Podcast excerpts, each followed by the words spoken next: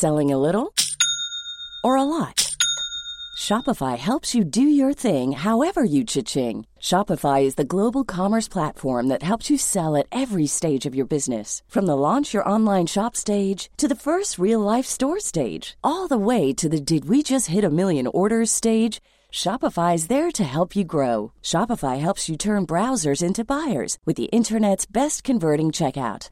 36% better on average compared to other leading commerce platforms because businesses that grow grow with Shopify. Get a $1 per month trial period at shopify.com/work. shopify.com/work. Ryan Reynolds here from Mint Mobile. With the price of just about everything going up during inflation, we thought we'd bring our prices down. So to help us, we brought in a reverse auctioneer, which is apparently a thing.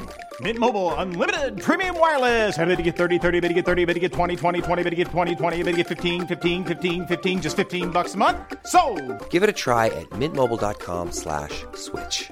$45 upfront for three months plus taxes and fees. Promo rate for new customers for limited time. Unlimited more than 40 gigabytes per month. Slows. Full terms at mintmobile.com.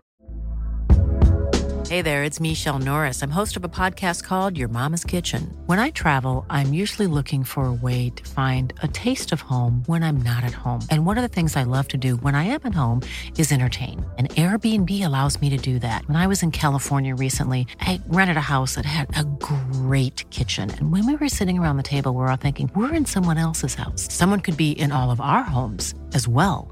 If you have a home, but you're not always at home, you have an Airbnb. Your home might be worth more than you think. Find out how much at airbnb.com/slash host.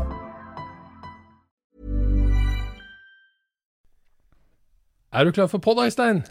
Veldig glad for pod, og i dag er det jo en helt spesiell pod òg vi skal ta fatt på. Ja, her gravde vi dypt. Ja. det er veldig hyggelig når vi har med oss gjester i poden, og, og det her er en sånn gjest. Nå skal vi tilbake i tid og snakke om eh, ting som skjedde for lenge siden, som er både interessant og underholdende. Ja, vi skal inn i den gamle norske veteranbilhobbyens katedral. Ja, det skal vi. Kjør pod. Vi kjører pod. Du lytter nå til Scootspodden, en norsk podkast om klassisk bil med Jon Roar og Øystein.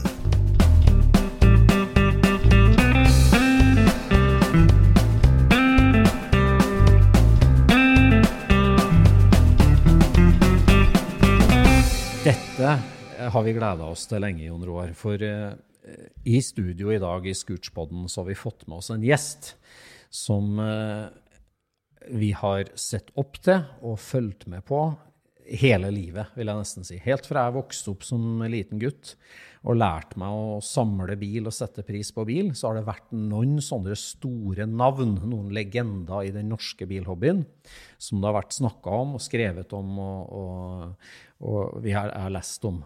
Og det er jo sånn at de tidligste pionerene, de som tok tak i bilhobbyen i veldig tidlig tid og begynte å samle veldig mye viktig kulturarv. De har jo gjort oss eh, nye bilentusiaster i stor tjeneste, for veldig mange av bilene her ble jo redda i en periode der de bare var skrot. Og en av de virkelig store samlerne i Norge han har vi fått med oss i dag i Scootspodden. Det er en stor glede å ønske selveste Odd Holter velkommen hit. Eh, ja, jeg takker for innbydelsen, og uh, syns det var litt moro at jeg kan eh, kanskje komme med noen bidrag. Ja. Noe småtteri som kanskje kan være av stor interesse for de som kommer etter meg. Ja. For jeg er jo oppe i en høy alder i dag, og kanskje har Nå er jo jeg litt eh, Hukommelsen er enda i orden. Ja, det må jeg si, altså. Nå har vi bladd litt i albumene dine og prata litt inni, seg. du husker jo som et leksikon. Sitter på rams der. Ja, det er helt vilt. Det er imponerende.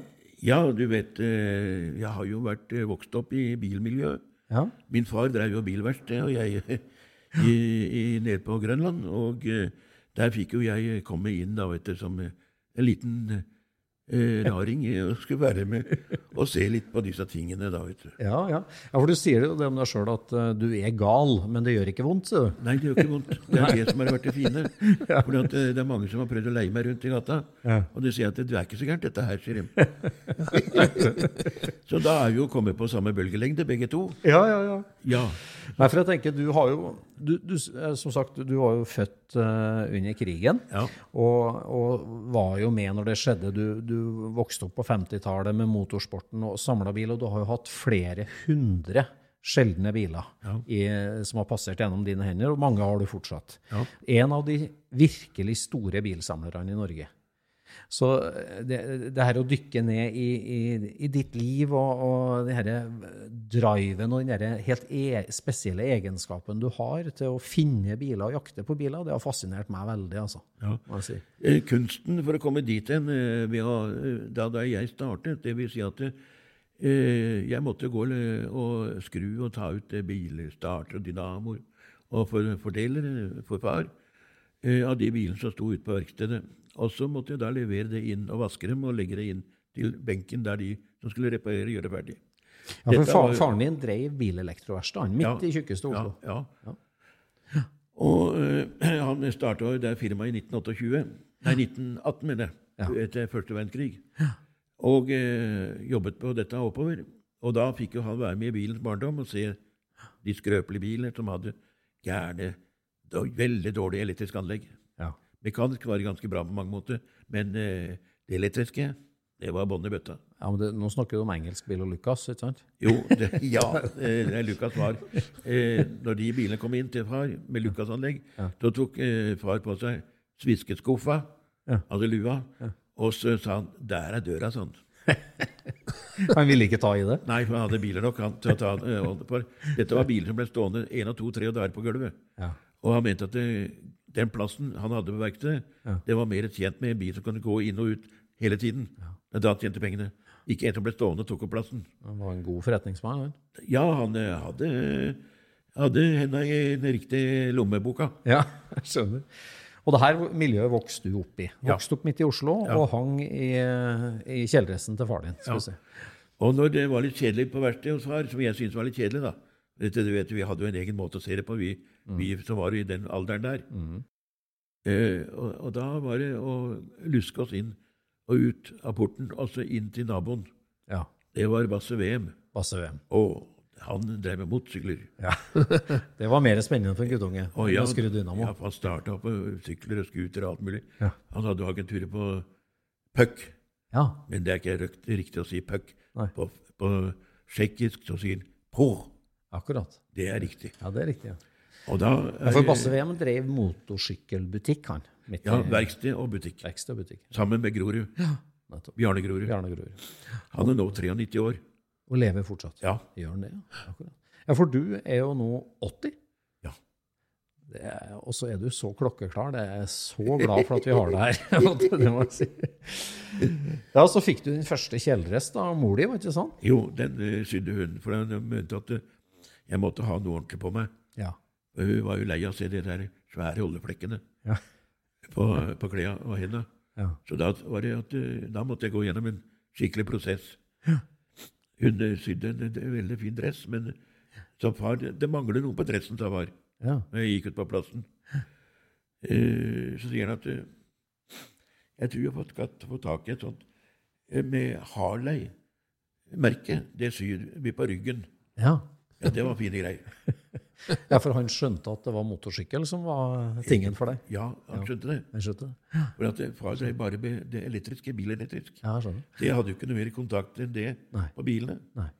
Men jeg studerte jo alle de kundene som kom inn med flotte vogner, som han hadde Ja. som kunder. Ut fra de lærte jeg meg egentlig å kjenne folka. Ja. Jeg studerte jo da de bilene nøye, for jeg syns at eh, det var noe som var interessant i forhold til en T-Ford. Så kom det Packard inn, Ja. Cadillac, det kom en Hupmobil. Altså dette var merker, merker som jeg syns var eh, eh, Brennabor, eh, tysk Brennabor. eh, Så Adler. selv, selv som tiåring så skjønte du forskjell du, Ja. på brennabor og T-Ford? Ja. Jeg kunne stå innenfor verkstedet og høre at det nå kom det en brennabor, for dette, den hadde en jævla rar måte eh, i gangen på motoren. Ja. Og den tok jeg. Og da sa far det riktig, sa han. Akkurat. Og- Ja, for at kan kan si at i, i, i Oslo da på det her, Nå snakker vi jo 50-tallet, eh? Ja, Ja. og oppover 50-tallet. Ja. Og fram til kjøpetillatelser ble oppheva, så var det jo det var jo nesten bare førkrigsbil å skru på, da. Ja, 19, altså hos far din. Ja, 1960 så ble den opphevet. Ja, men jeg tenker fram til da så var Ja. det mye førkrigsbil som kom inn på verkstedet. Ja, det var veldig mye fint. Og det, var at, eh, og det, er det vi så, jeg fikk se, det var jo de bilene som egentlig folk hadde jævlig dårlig råd. Jeg må si det. For etter krigen så var jo det at det, det var merkbart at det var jo strenge, altså stramme tider. Så eh, vi hadde jo mange ting som vi kan si eh, jeg lærte ut av eh, litt eh, forretningsmessige triks å reparere på. Ja, jeg. Jeg husker det var en fordeler som eh, var vanskelig å få tak i stiftesettet til. Ja. Og i stiftesettet så er det, kaller vi hammer og plate. Uh, hammeren den uh, går jo da ut i gods i fordeleren. Ja. Mhm. Den fjæra den var, spred, den var, eh, den var ryke. Og da virka jo ikke hammeren. Nei, nei. Da tok far og skar av en liten beta på dekket på bilen hans, som han hadde på en kunde. Ja.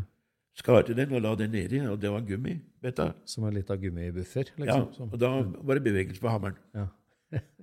Da var kunden fornøyd. ja. Og bilen gikk. Ja, Ja. da var det gratis. Så far, vi har jo brukt litt av dine midler for å få dette til. Så verkstedet har ikke tapt noe på dette ennå. Nei. Nei. Da husker jeg at eh, kunden kom igjen seinere, og så fikk han eh, Det var på en fredag.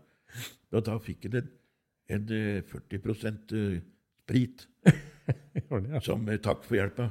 Ja. Ja, Far. Ja. Men far drakk jo ikke, han ikke mor heller. Nei.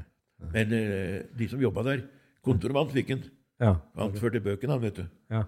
Og det er fint å få litt ordentlig futt i gutten, så han skrev riktig tall. Jeg skjønner. Så bokføringa var fin, den. Men så da oppe mot, eh, mot slutten av 50-tallet og 60-tallet, så da, da fikk jo du ordentlig motorsykkeldilla. Ja, det begynte i vi kan si i 59. Ja. Det vil si at da jeg var på, i 55 og så Speedway Ja. eh, på Bislett, det gamle Bislett Da Stumpa kjørte og vant i Europamesterskapet. ja. På Bislett. Ja. Og da kjørte jeg Barry Bridge, eh, Ronny Moore, Peter Craven. Men Basse kjørte ikke, for han hadde knekt foten. Hadde han det? Ja, så han var gipsa. Han fikk ikke lov til å være med med å kjøre med gip- gipsa fot i starten. Det greide ikke. Han kunne gjort det, men han fikk ikke lov. Det har, å, det har vi tenkt å lage en egen episode om hele det speedway-eventyret. For at du var ikke alene på Bislett da. Det var populært med speedway på ja, den tida. ja, ja. Så, eh, altså da ser du Stumpa bli europamester på, på Bislett. Ja. Og du får ordentlig motorsykkeldilla Ja, og, ja. og satser på en karriere eh, som speedway langbanekjører. Fordi det som var litt interessant, det var at de, vi hadde stått ved depotet. mm. Altså det vi kaller maratonporten på Bislett. Ja. Der inne var depotet. Ja. Og det syntes jeg var veldig moro å høre på. Når du varma sykla, Ja. starta, så sier jeg far at du verden, dette her var Her er det, her er krutt. Ja. Og, og, og det sa far der. Ja, du skjønner, det er krutt her, sånn. For her kjører en på sprit, sånn. Eh, metanol. Ja. Ja, drikker de den, altså? Nei, det kan de ikke gjøre. Da blir de blinde, sånn. Da får de ikke kjørt den etterpå. Men, eh, men eh, den var jo greit. Og så fortalte han litt om det tekniske med det, og det syntes jeg var moro. Jeg tar ikke det nå, for det blir for langt. Og så sier jeg at dette her var jævlig interessant. Eh, disse gutta her, de, de kjører jo uh, skikkelig på langsida inn i den 400-metersbanen på idrettsplassen. Det skulle vært moro å gjort det samme, sa jeg til. Du sa det til far din? Ja, da sa jeg gammelen. Da kalte jeg det. Og nå er jeg såpass svær snart at eh, jeg skal sette meg på en sånn skrevarokk og, og kjøre. og da ble det til det at den øh, sykkelen jeg fikk tak i, det var jo en, eh, en eh, nedkjørt eh, affære. Men det er greit. Vi stopper der, for at eh, du vil ta bilen nå. Ja, ja, ja. Så for, for da, da fikk du motorsykkeldilla og reiste ut i verden og begynte å kjøre speedway. Og det har vi tenkt å komme tilbake til en egen pod. Ja, ja. Har vi. Eh, men så altså Bilinteressa ligger jo der og ulmer. Ja. Eh, og du, får, og du, ja, du ser på bilen når du er i utlandet, og så kommer du tilbake til Norge. da. Ja. Og, fordi at eh, far kom jo fra Drøbak. ja. onkel, da. Han var fra Drøbak. Mhm. Og øh, da ble det til at øh, jeg lærte en del av det som hadde vært på gården der. De hadde hatt noen jævla spesielle, flotte vogner den gangen. Ja, ute i Drøbak, Ja, Der slekta kom fra. Ja, for bestefar var veiingeniør òg på den tiden. Ja. I 20-tallet. Ja. Så han kjørte jo eh, mye flotte vogner den gangen. Det var jo bilder av originalbildene fra den tiden. Men eh, når jeg fikk se dette, så begynte jeg å lære bilmerkene. Ja. Så fikk jeg en eh, julepresang, og det var en bok som eh, omtalte biler. Ja. Og den har jeg ennå. Har du? Den- Ja da. Det er første boka mi, det. Er det den derre med et sånt gullemblem foran? Hva heter den boka? Uh, den, nei. nei, den hadde ikke noe tittel, den boka der, pussig nok. Nei. Det var en, eh, egentlig en samlebok fra Gergani, tatt ut eh, en del eh, fra den hovedboka, som jeg kaller Bibelen. Ja. Mm Eh, og nå er jo riktig nå at da, jeg er jo ikke religiøs mellom ni og fire, men, men Georgano er jo fin å ha Ja. i den tiden der, og finne ut hva jeg skal leite etter. Ja. Og da fikk jeg vite at uh, jeg kjente jo Biltilsynet på Adamstua, Ja. Så var den gangen. Så jeg kjente jo de folka Ja. som var der. Ja. Og eh, Hvilket, ble- hvilket årstall, hvilket år fikk du den da, boka til jul? en- 51. Akkurat så, så i 51 så får du bilbok til jul og begynner å bygge, bygge bilmerker. Ja, ja. Ja. Og da tenker jeg, da, da er du vokst opp ja, i, i verkstedet til far, og du, du, du får lyst på bil. på en måte. Og begynner du å jobbe hos far din, eller fulltid? Bare er der med, på, liksom, på moro skyld. Ja, akkurat. For uh, far sa at uh, eh, ettersom jeg var interessert i å lese og sånn, Ja. så kjøpte mor eh, hjemmet. Ja. Og der kom en gang i uka en lite bilde. Det var 50 bilder som ble i det bladet, som det ettersom gikk hver uke. Ja. Og da kjøpte mor til meg det bladet for at jeg skulle lese om hver bil som kom. Ja. De har jeg de tatt vare på, de der. Har du det? Ja da. Ja. Og da skrev de om en, en bil som heter Troll, Ja. Som jeg kaller Troll i eske. Troll i eske.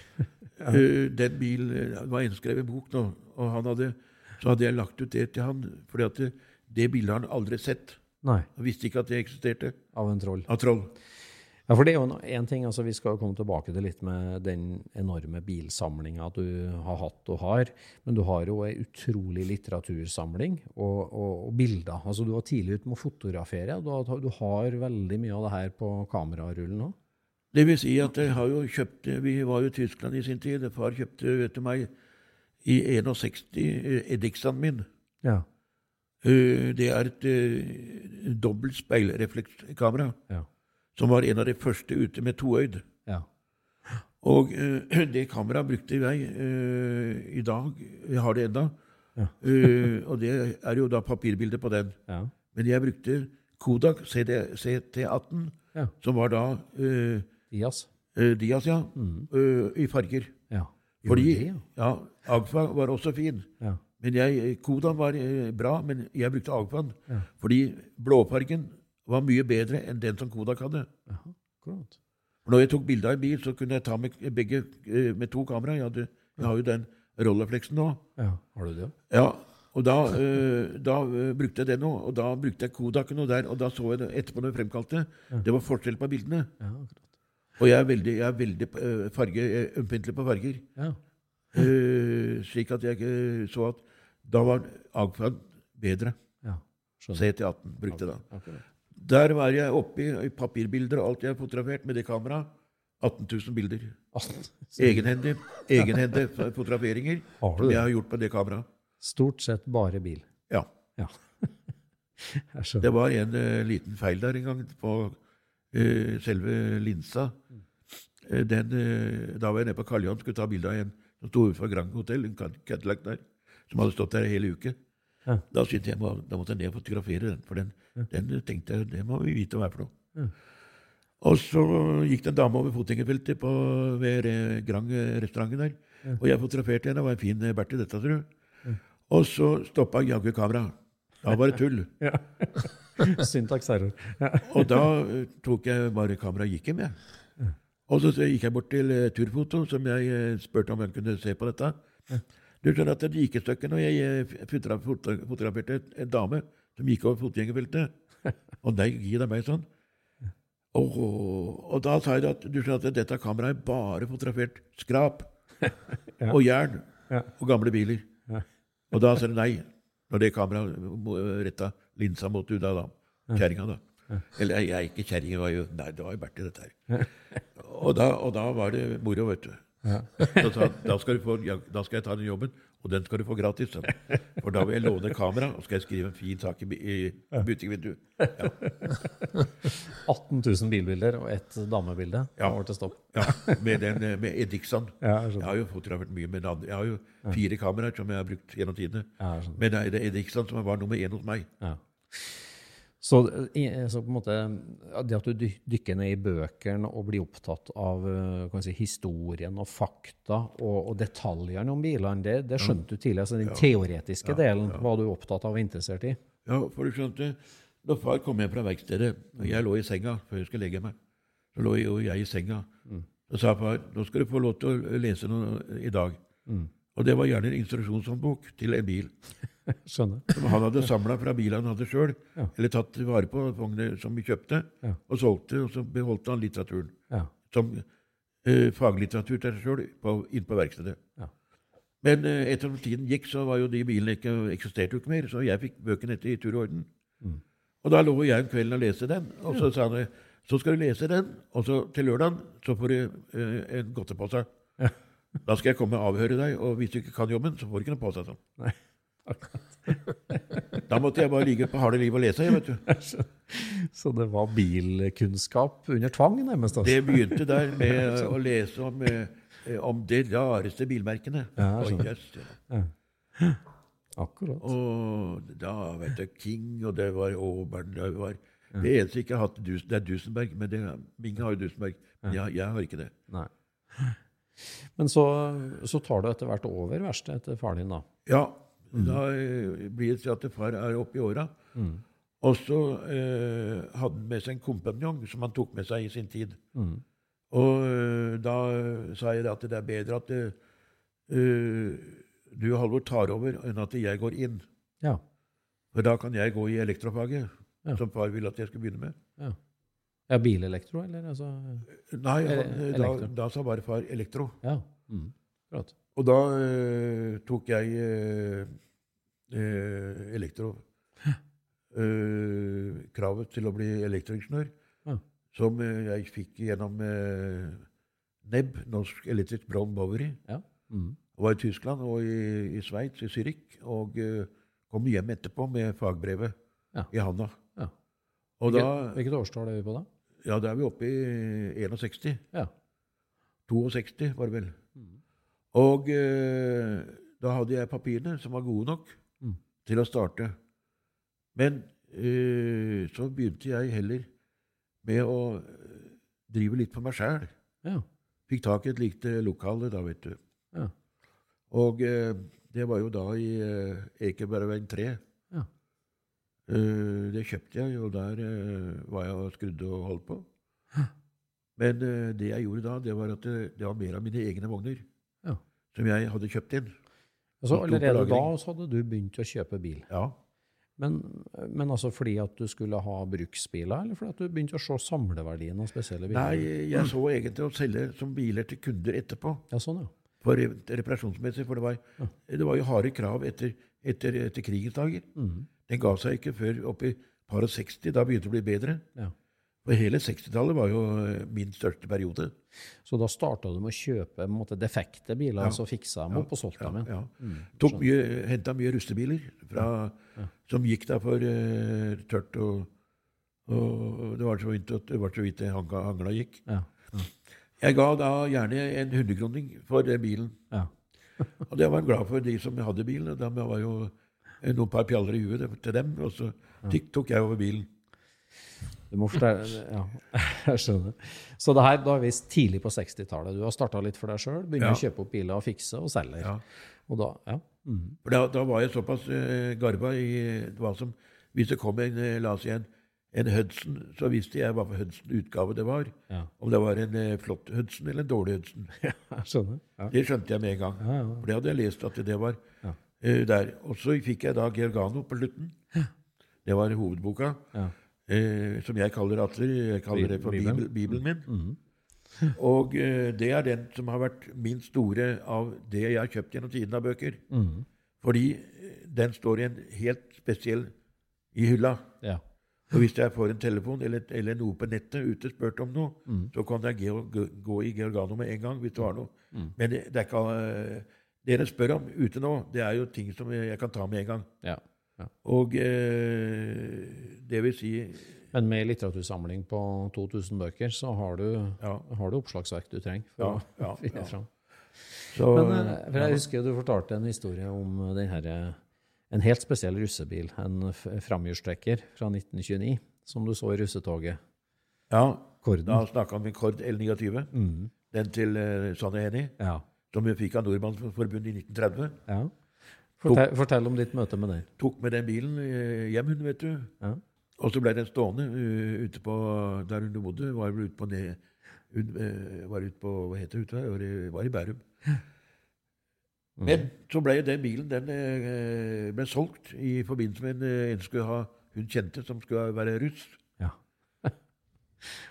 Og da var jo den bilen ble jo den russemalt. For Ja. bilen var jo blå i sin tid. Ja. Originalt. Mhm. Men eh, det var det at eh, den ble jo da eh, russemalt. ja. Kostemart. Ja, kostemalt. Og da var det mye skriving på den, da, vet du. Ja. Og den bilen Da var jo Jan Tolsby, som var på Tekniske museum Ja. Vi var jo, vi vanka mye sammen den gangen, akkurat da. Begynte. Mm. Og se på hva som var egentlig på, vi skulle være på jakt etter.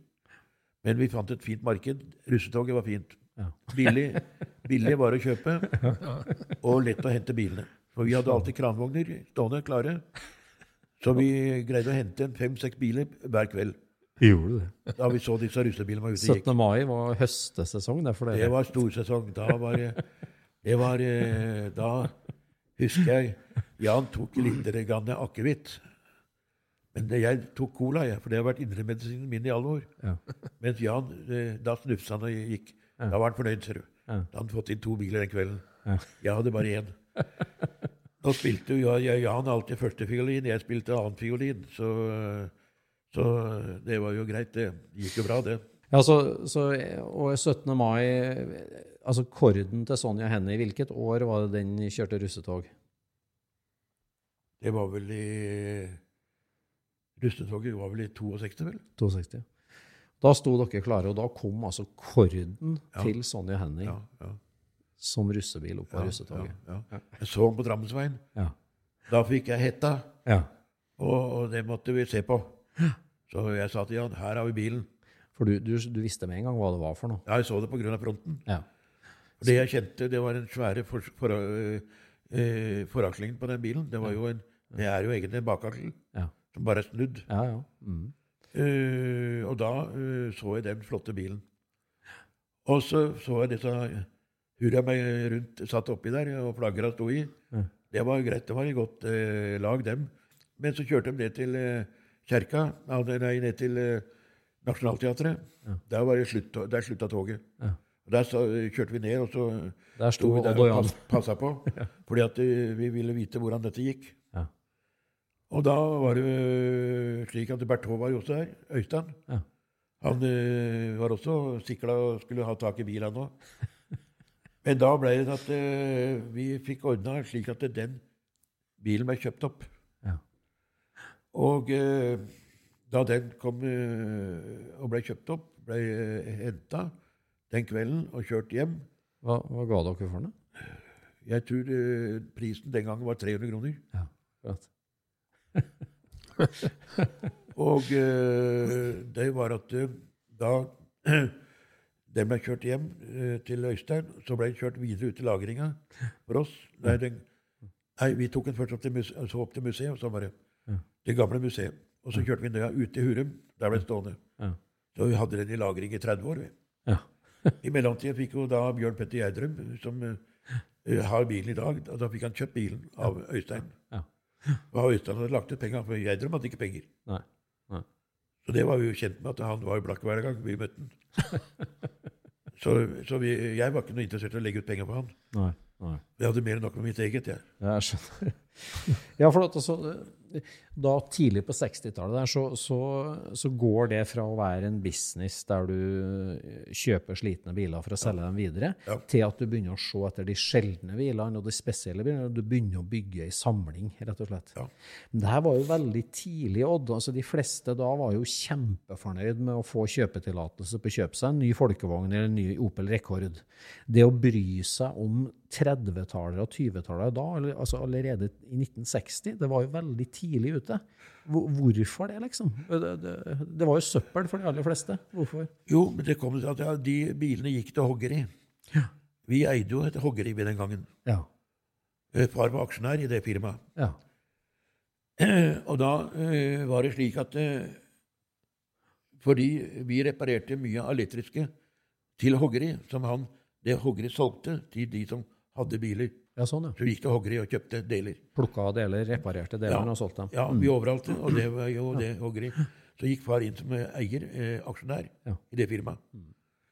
når disse to gamlinga var eh, brukt opp, så var det jo det at eh, fatter ja, satt jo da igjen med eh, aksjekapitalen og kjøpte opp den. Ja. Så eide vi det. ja. Det, det jo drevet dere midt i Oslo her. Ja da. Ja. Jeg vil ikke si, men det, var, det kan være. Ja.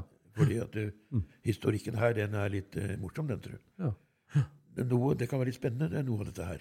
For det er ikke alt en bør være greie på. Akkurat så da, Det er jo perfekt da, når du da hadde tilgang på verksted og russetog og høggeri. Ja. Da kom jo bilene til deg, da, nærmest. Men du, når, skjønte du at på en måte, fy søren, det her er sjeldne ting, det her skal jeg samle på? Altså, når, når, når skjønte du det? Eh, Jeg kan si 61, 60-61, Ja, da så, så hadde jeg lest, lest veldig mye eh, bøker. Eh, jeg kjente jo en del, veldig mange bilmuseer verden over. Fordi jeg eh, kontakta gjerne de eh, stedene og spurte hva de hadde på lagring, Ja, eller hva de hadde stilt ut. ja. Ut fra det tok jeg og fant ut kvaliteten, hva de var på jakt etter. Mm. Hva kvaliteten var av det de kjøpte, Mm. og hvordan de eh, stilte det ut, på hvilken måte. Dette lærte jeg, det var en lære for meg. Mm. Og jeg tenkte at jeg skal ikke starte noe bilmuseum, men jeg kan iallfall ta vare på det. Ja. Og det ble gjort, og eh, jeg var vel oppe i 1970, så var jeg på 285 biler. I 1970. Så på ti år så hadde du dratt sammen nesten 300 biler. da. Ja. Eh, Det var på syv, syv låver som jeg hadde lagra. Ja. Rundt Oslo. Ja. Da ble jeg litt uh, uvenner, men uh, ikke uvenner, men jeg ble satt litt til side. For vi var jo fem samlere ute og gikk. Ja, ja det, må vi, det må vi snakke litt om. For at eh, i, i, på de tidlige åra, si før, før 70 eller før 75, så snakker man egentlig om fem store samlere i Norge. Det var Borge ute på Osterøy utafor Bergen. Ja. Det var Brødrene Kile eh, nede i Kristiansand, Ja. som var tidlig ut. Det var Kai Minge i Trøgstad. Ja. Og så var det Jan Tolsby fra Teknisk museum, og så var det du, Odd Holter. Det er én til, ting en til vi må ta med. Ja. Det er han på Lillehammer som hadde mye biler. Ja, akkurat. Eh, Ja, han var jo dame, ja. Stemmer. Hva heter han? Han eh, som lånte ut mye biler til museet på Lillehammer. Ja, han kom, etter, han kom etterpå. Han kom etterpå, ja. Ja, det var ikke han. Nei. Eh, det er, det er Rei- Reiremo Reiermo. på Lillehammer. Ja. Han var i den eh, bataljonen der som vi var i. Han var tidlig ute der, ja. Men Reirmo. Mm. så kommer også da eh, eh, han som eide restaurantene og hotellene uh, etterpå, som var ifra oppi det dalføret der. Mm. Uh, der står det litt stille akkurat på han er, hvem det er. Og så, altså, da, så da, da klart, Norsk veteranvognklubb ble etablert. Hvilket år var det? Det var i 56. 56, ja. Da, Så, så, så kan vi si, veteranbilhobbyen er jo på fremmarsj der for fullt. Men du er jo en av de første som virkelig starter i volum med å samle stort og få tak på veldig mye, og går systematisk til verks. Si. Altså, en, en, en annen av de legendene som jeg nevnte, er jo Jan Tolsby. Hvordan, hvordan Jan Tolsby, som da jobba som, eh, som bilsjef på Norsk Teknisk Museum i mange år, og var jo, hadde jo også et helt enormt samlegen. Ja. Dere ble et radarpar der tidlig på 60-tallet. Ja, det stemmer.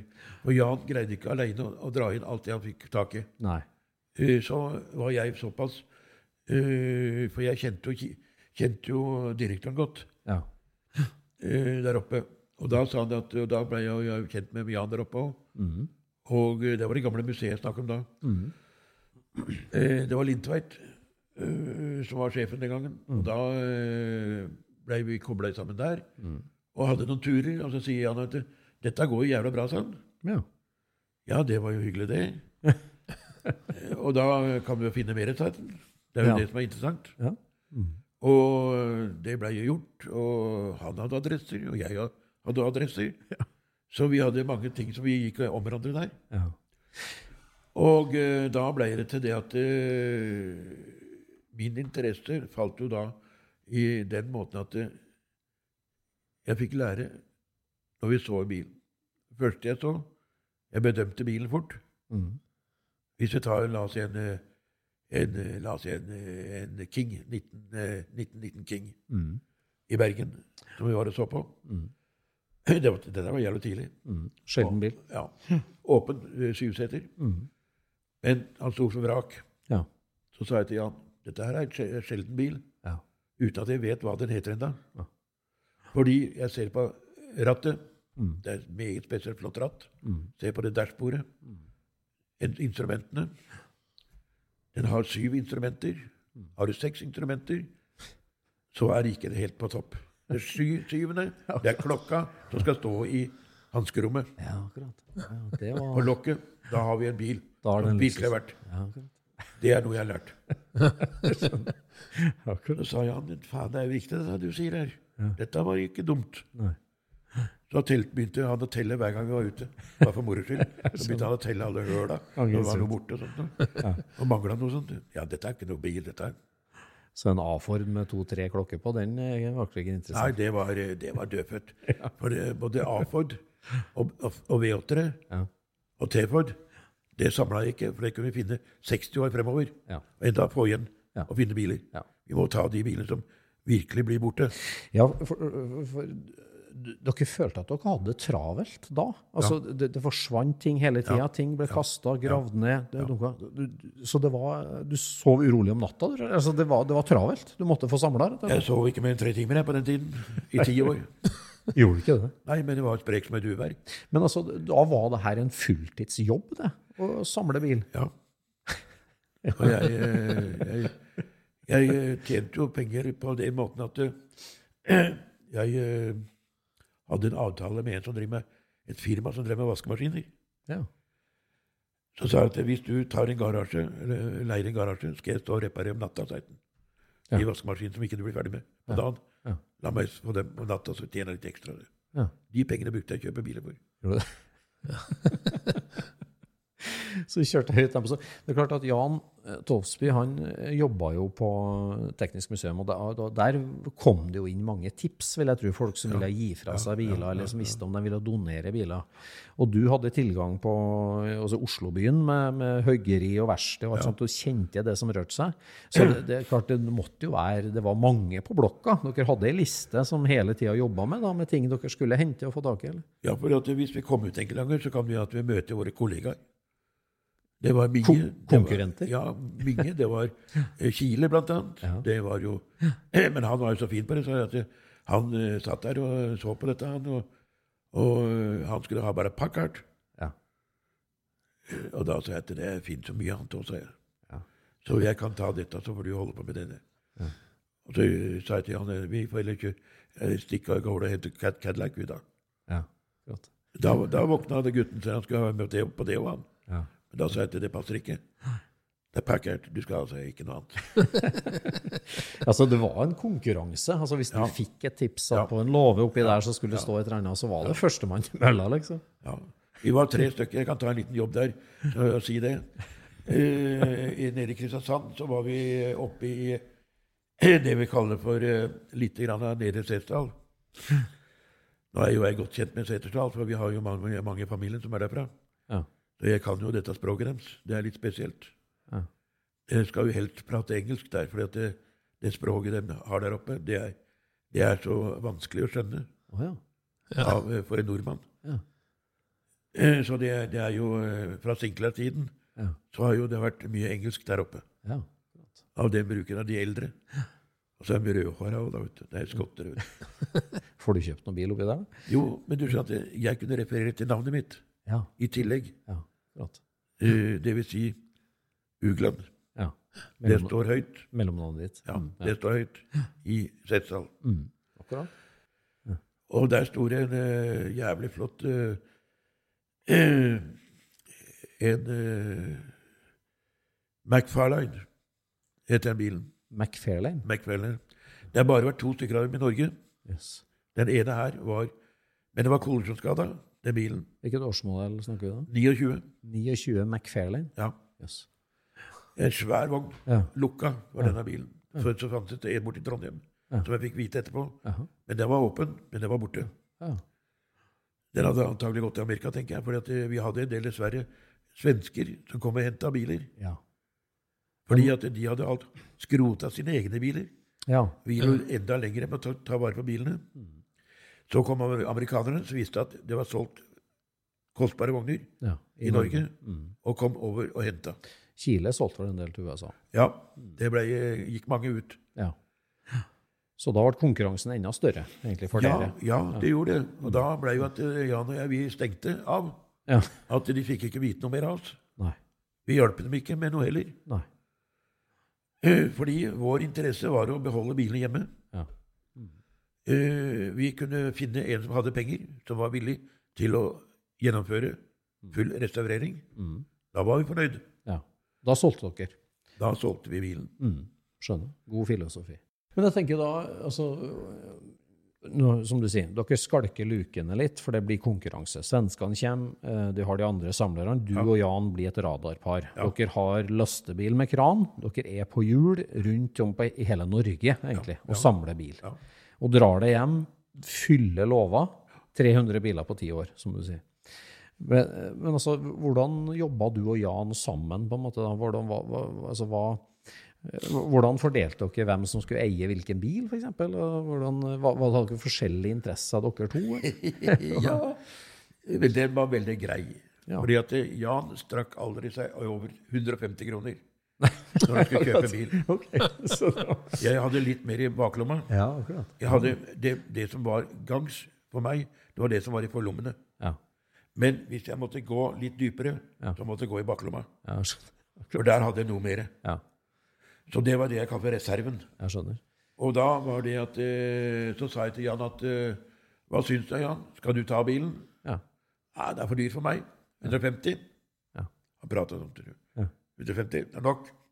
Ja. Ikke noe mer. Jeg har transport. Jeg har tapt arbeidsfortjeneste. Ja. Og det seg ikke i orden, Vi skal hjem, hjemover. Bensin. Ja. Alt mulig. Frakt og lagring. Mm. Det er 150 kroner. Ja, men det er greit. Da, tar jeg, eh, da kjøper jeg bilen. Ja, ja det er ålreit, det. Sånn. Ja. Så, men da får du av meg frakta. Ja. Men ikke noe, ikke noe for arbeid. Nei. Nei. Vi jobber jo i lag. Ja, skjønner. Men, men var, dere, var dere ut eh, altså flere turer per uke, da? Fy Altså, faen, jeg, jeg var ute hver annenhver dag. jeg. kjørte lastebil med kran og dro om bord? Ja, annenhver dag. Vi var ikke ferdige før klokka to og tre om natta. vi. Nei. Nei, det er jo noen legendariske bilder av dere, med både i albumet din og i Tolsby sin album med Geiranger og, og Altså, du viste oss jo bildet her at du drar 26 Minerva opp i, fra Groruddalen. Ja, ja, ja, ja. Vi hadde jo mye folk som vi trava rundt med. Ja. Og Jan hadde jo folk fra museet som han fikk en del oppdrag ifra. Ja. Og gjennom familien der så var jo Jan alltid og spurte og snusa når han kom på et sted. Gikk alltid inn i garasjen og spurte ikke. Han bare gikk inn, han bare spurte. Ja. Og, om ingenting. Han bare gikk rett inn, han. Ja. Og da fikk han se litt av hvert. Og det var greit. Da fikk han kjøpt det øh, sånn passa, da. Ja. Så det var jo Men han, Jan samla jo en del på vegne av Teknisk museum også. Ja, det er riktig. Men bygde også i privat samling. Ja. Og, og du bygde de private samlingene. ja. Hva er liksom eh, altså, eh, når, når skalv du mest i beina i forhold til når dere åpna ei låvedør eller inn i et skogsholt? Altså, hva er liksom de virkelig store gullklumpene du husker på? Ja, det kan jeg si, for der har det vært mye rart. Ja. Fordi jeg kom med den i Kristiansand, blant annet. Jeg glemte å si det. Den i Kristiansand, det var sånn at øh,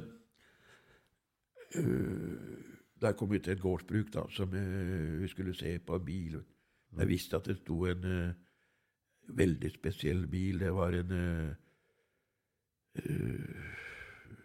en, en Dort. Dort. Mm. D-O-O-R-T. Dort. Mm. Åpen Dort. Det var sjelden merke for meg. Det er en ganske liten bil, ikke det? Ja, det er ikke, det er ikke stor bil. Mm. Men var vel- skulle være i veldig god stand. Og den Dorten, den var jo sånn at så kom Kile, og han mente det var Packard. Ja. Og, Jan visste jo ingenting. Så vi tre vi møtte opp, opp og banka på døra der. Ja. Men det var, det var en bil som var annonsert? eller sånt? Nei, nei, nei, nei, vi, nei. det var, visste at det var noen i dalføret som hadde fortalt oss. Ja. Gå til han, Men så ender dere opp med å komme samtidig som Kile? da?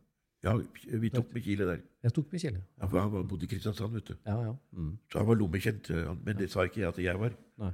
Så jeg lata som ingenting. Ja. Så eh, skulle vi opp til han eh, greia, da. Henrik, som han het, oppi der. Ja. Og, og da var det slik at eh, Da kom vi opp, og så banka Kila på dette. Jeg sa at du, eh, du, du tar den der døra med bankinga. Jeg vil stå bakerst. Mm. Da sto Tolsby bak ryggen til Kile. Og så så vi bare døra gikk opp på gløtt. Ja. Og så hørte vi en som hosta på baksida av døra og skreik 'Hva er det du skal for noe?' 'Jeg må se på den bilen din.' 'Jeg har ikke noe bil.' Jo, da skrek jeg. 'Du har en Dort', sa jeg. da kom uh, haglegauer fram, gitt, Nei. i døråpningen. Da rygga vi tre tilbake med en gang. Men du jeg bare lot dem stå igjen. Så jeg var liten, vet du, spretten. Gikk rundt bygningen Ja. og brak, brakk opp døra bak. Og da så jeg bilen sto der. Fotograferte, bilen. bilen. Kom tilbake. Lata som ingenting. Men da hadde han telt ut teltet, at han sa at 'det mangler en her, Kreiken'. Han med hagla. Ja. Og da viste han at det var tre stykker, da, vet du. Ja. Da var geværløpet gikk høyre opp i døren, Ja. og så brente han et skudd Over huet på Kile. ja, over huet på oss. og da har jeg aldri sett Kile og, og Jan løpe så jævlig. Men jeg fløy en litt annen, annen vei, som var litt eh, skogsvei. For jeg tenkte skal han skyte på sletta, så eh, der vil ikke jeg være. Jeg er gammel kriger, tenkte jeg. Jeg, jeg vil jo ikke være på åpen bane. Eh, som, eh, sånn, eh, nei da. Det gikk da ett skudd. Det var nok. Og da var ikke, da var ikke de der de, Da kom vi ned i bilen, vet du, kjørte vi en, en, en, eh, en, eh, en engelsk bil som eh, Jan hadde den gangen, fått av faren sin, med skyvetak. Ja. En 34-modell eh, Var ikke, var ikke Hudson, da? En Vauxhall, kanskje? Ja, Vauxhall ja. Vauxhall var det vel. tror det var det. Ja, Vauxhall var det, ja. Og, og den var rødmala, Ja. den bilen. vet du. Ikke russebil, men rødmala. Og så satt Kile, vet du. Han hadde med seg to bayere. Og drakk dem, og da skalv han. Da drakk han bayera, og så kastet han flaska opp i taket og ut. Ja. Faen, så det kan jo komme bil bak seg og få dem midt, midt i frontruta. Må ikke drive med det, sa jeg. Nei da, han drakk videre, han. Det var fint. Da var, da var han helt utafor. Det der er jo et sånn uh... Så jeg måtte kjøre bilen ned til Kristiansand. Ja. altså, Jeg satt begge to bak. Så to sånne avvisna løv som lå der. Det var helt skrall- det var helt, det var helt skrullete, jo. Det har de aldri vært med på, at noen skyter etter dem. Nei, det er jo noe sånt som du hører om, liksom at uh, gamle uh, innbitte eiere vokter bilen sin med hagle, men dere har faktisk opplevd det. Ja, vi har opplevd det. Men av, eh, av alle bilene jeg kan si, samla veldig hardt fram til 1970, skjer, hva, hva skjer da oppover 70-tallet? Da, da er det jo mange som har meldt seg på etter hvert. Det, da, da popper jo flere veteranbilklubber opp tidlig på 70-tallet, og, og hobbyen vokser eh, virkelig. Ja. Hvordan, eh, hvordan driver du da framover? Altså, da har du bygd opp samlinga, sju-åtte låver smekk fulle. Du driver på. Hvordan, eh, hvordan blir 70- og 80-tallet? Liksom? Jo, det ble til at jeg, jeg tok heller holdt foredraget. foredrag. Ja. Da sa jeg at jeg, jeg stenger låven. Ja. Jeg har ikke noe behov for å drive som eh, antikvar og vise fram, jeg. Nei. Eller eh, til andre som skal komme og stjele dagen etterpå. Nei. Det er én ting, og for andre så kan du sende, tenne, tenne fyr, sette fyr på bilen, bilene, på lagringene, på låvene. Så du, du gjemte dem unna, rett og slett? Ja. Og da fikk de ikke en adresse eller noen ting, for jeg brukte én mann hvis ikke jeg gjorde jobben. Så hadde jeg én mann som var topp, som kjørte kranvogna mi, som kunne å gjøre jobben og kjøre til lagringa mine. Ja. Så, øh, og jeg kom på alle de lovene jeg hadde. Så kunne jeg få låne traktor og en med andre. Så sa jeg nei til han som hadde gården. Jeg vil ikke kjøre i stykker nå, men jeg kan reparere for deg hvis det er noe som går i stykker for deg. Ja. Det kan jeg gjøre. Men jeg vil ikke kjøre, for jeg vil ikke ha det på meg at kanskje det skulle være noe galt. Så får du faen ikke en kornet eller tatt opp potetene til riktig tid. Nei. Nei, det vil jeg ikke. Så da ble, det, ble, jeg, ble enig der at jeg, jeg bygde da Pluto, Ja. som jeg kalte kranvogna mi. Ja. Det var en eh, 43-modell Dodge. Mhm. T110 heter den på Dodge. Utførelsen. Eh, den bygde jeg om til firehjulstrekk. Ja. Det var egentlig bare bakhjulstrekk, men en tospilt kardang på den. Ja. Så bygde jeg den bra med forhjulstrekket der, så fikk jeg inn den òg. Så da fikk du en bil oppå planet, Ja. og så hadde du vinsj og kran og alt på den? Ja. Ja, det var, den hadde kun kran, det var ja. Så jeg hadde løftinger bak trabulanten, som jeg la vogna oppi. Dersom det var en som var vanskelig å trille med, så hadde jeg boggy til å legge og løfte opp bak og sette ekstra hjul bak. Så kunne få trilla på det. ja akkurat. Men det var, den eh, kranvogna brukte jeg bare der det var én bil å hente. Ja. Da bygde jeg opp en Chevrolet. Mm. En 60-modell Chevrolet. Eh, flatvogn med da vinsj som kunne ta opp. Ja. Det var en, eh, brukte jeg GMC-vinsj fra en eh, Gems eh, krigsvogn. Militærbil? Mm. Fordi min, gå og kjøpe en vinsj til seks, eh, mye, mye, det gadd jeg ikke. Det var dyrt. Så brukte jeg vinsj, for den kjøpte jeg gjennom depot billig, og satte den inn og bygde opp. Da hadde jeg da altså den vogna, plattvogna, den var da seks meter plan på, så jeg kunne ta de største bilene. Ja. Cadillac, eh, det var ikke noe problem for meg. Nei. Og med oppkjøringslemmer, som jeg hadde stakk innunder på bladet. Ja. Og da hadde jeg også et eh, hengefeste som jeg kunne bruke. På høy og lav eh, eh, hengefeste. Fordi hvis jeg brukte en, en henger, så var det spørsmål hvor, tjukk, hvor tung vogna var, Ja. som sto på hengeren. Og da var det vanskelig å manøvrere i svingene dersom ikke bilen var riktig lodda. Så da hadde jeg da hengefeste lavt og tungt, øh, høyt. Da fikk jeg med to biler. Ja. Det var en god ting, ser du. Det var en god ting, vet du. Ja. Ja, altså på, på tida her, så Du hadde jo ikke tid til å skru eller restaurere noe. Det, var- det handla om å få berga mest mulig, egentlig. Ja. Eh, Men altså, det, det var Ja, det, følte du at eh, altså, det, det- føltes som en veldig viktig oppgave, selvsagt. Altså, det var kulturhistorie, det var bilhistorie, det var avansert teknologi Ja, som dere ville redde for ettertiden. ja. Så, og som du sier, du solgte det til, Fant du riktig kjøper, så solgte du det. Så det Ja. var ikke egentlig for egen vinning heller. Det var mer det å få, måtte få tatt vare på det før det forsvant. ja. Rett og slett. For vi hadde, det er klart at Når du går inn på hoggeri med en bil som vi hadde en Auburn Nei, eh, Marmon. Big, eh, Big Marmon, den store Marmon. Eh, med åtteren der. Og det var en kupé. Jeg gikk inn på hoggeri til far.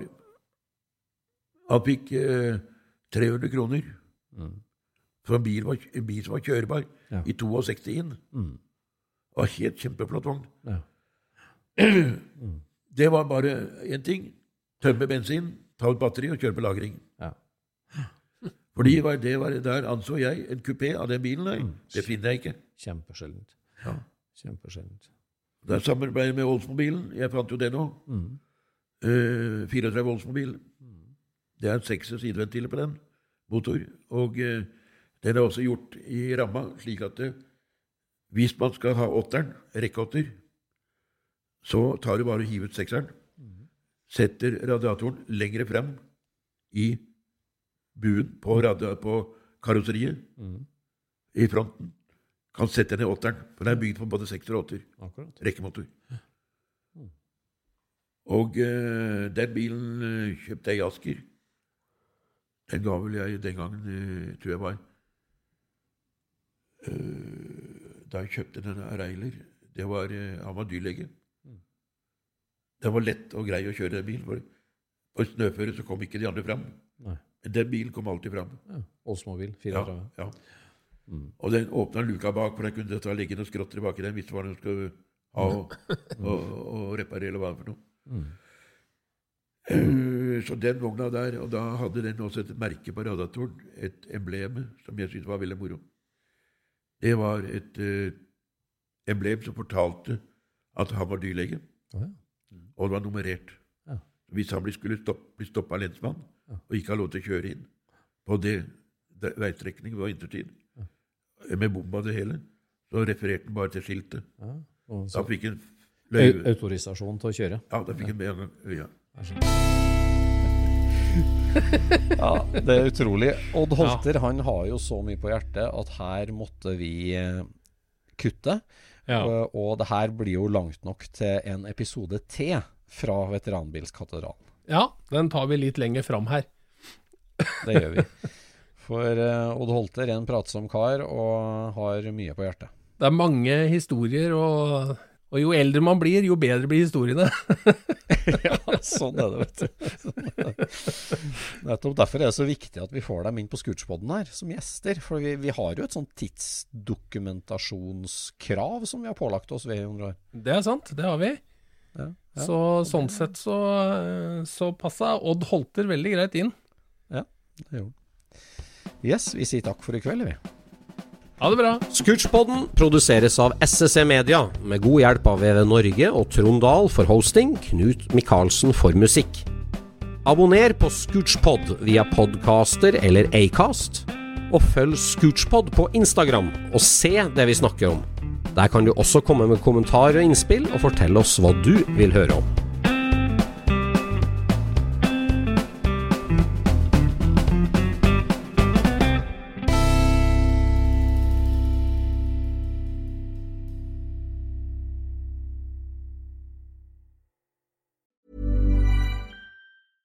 Hey, it's Danny Pellegrino from Everything Iconic. Ready to upgrade your style game without blowing your budget? Check out Quince. They've got all the good stuff shirts and polos, activewear, and fine leather goods, all at 50 to 80% less than other high end brands. And the best part? They're all about safe, ethical, and responsible manufacturing. Get that luxury vibe without the luxury price tag. Hit up quince.com slash upgrade for free shipping and 365 day returns on your next order. That's quince.com slash upgrade. Even when we're on a budget, we still deserve nice things. Quince is a place to scoop up stunning high-end goods for 50 to 80% less than similar brands. They have buttery soft cashmere sweaters starting at $50, luxurious Italian leather bags, and so much more. Plus, Quince only works with factories that use safe, ethical, and responsible manufacturing. Get the high-end goods you'll love without the high price tag with Quince. Go to quince.com slash style for free shipping and 365-day returns.